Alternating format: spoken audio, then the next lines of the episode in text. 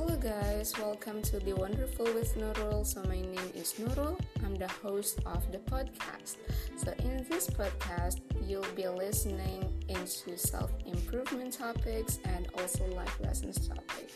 So, hope that you enjoy the podcast, and until next time.